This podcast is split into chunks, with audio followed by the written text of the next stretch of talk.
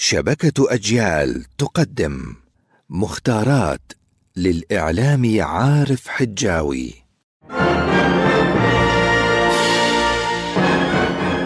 لا بد لنا من العلم ولا بد لهذا العلم من أن يأتينا محمولا على ظهر اللغة العربية.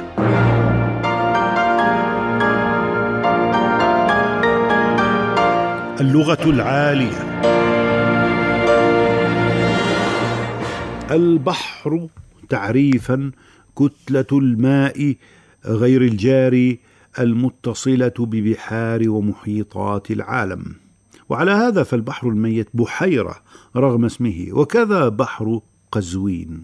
وقد أطلق شعراء العرب القدماء على الفرات والنيل اسم بحر. وفي الشعر العامي أيضا في مصر يسمون النيل بحرا. استبحر انتشر وترسخ. عندما استبحرت الترجمة أخذت علوم اليونان تؤثر في الفقه وعلم الكلام. هاكم بعض الأسماء القديمة. بحر الظلمات اسم عربي قديم للمحيط الأطلسي. وبحر القلزم البحر الأحمر. وبحر الروم البحر الأبيض المتوسط. وبحر الخزر بحر قزوين. وبحر بنطس البحر الأسود.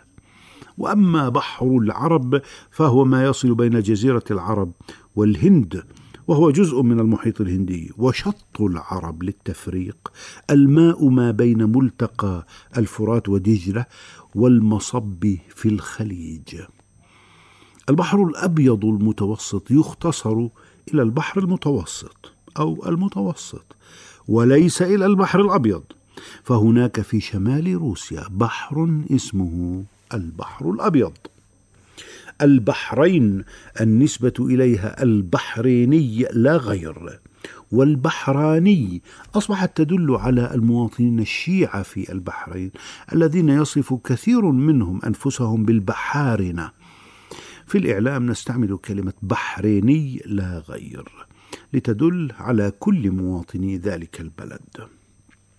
الوجه البحري في مصر هو مصر السفلى والوجه القبلي هو مصر العليا أو الصعيد.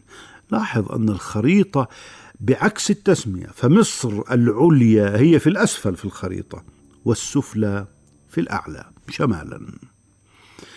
البحر في الشعر جمعها بحور وأبحر وهي ستة عشر بحرا. وبحر الماء نجمعه على بحار في العادة. حكمة اليوم. قال لي نابليون لم يكن يجيد قيادة السيارة. قلت له يا فالح لم يكن هناك سيارات في زمن نابليون. فقال وهذا دليل على صحة كلامي.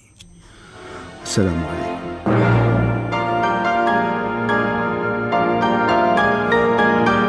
اللغة العالية عارف حجاوي ومهند قعدان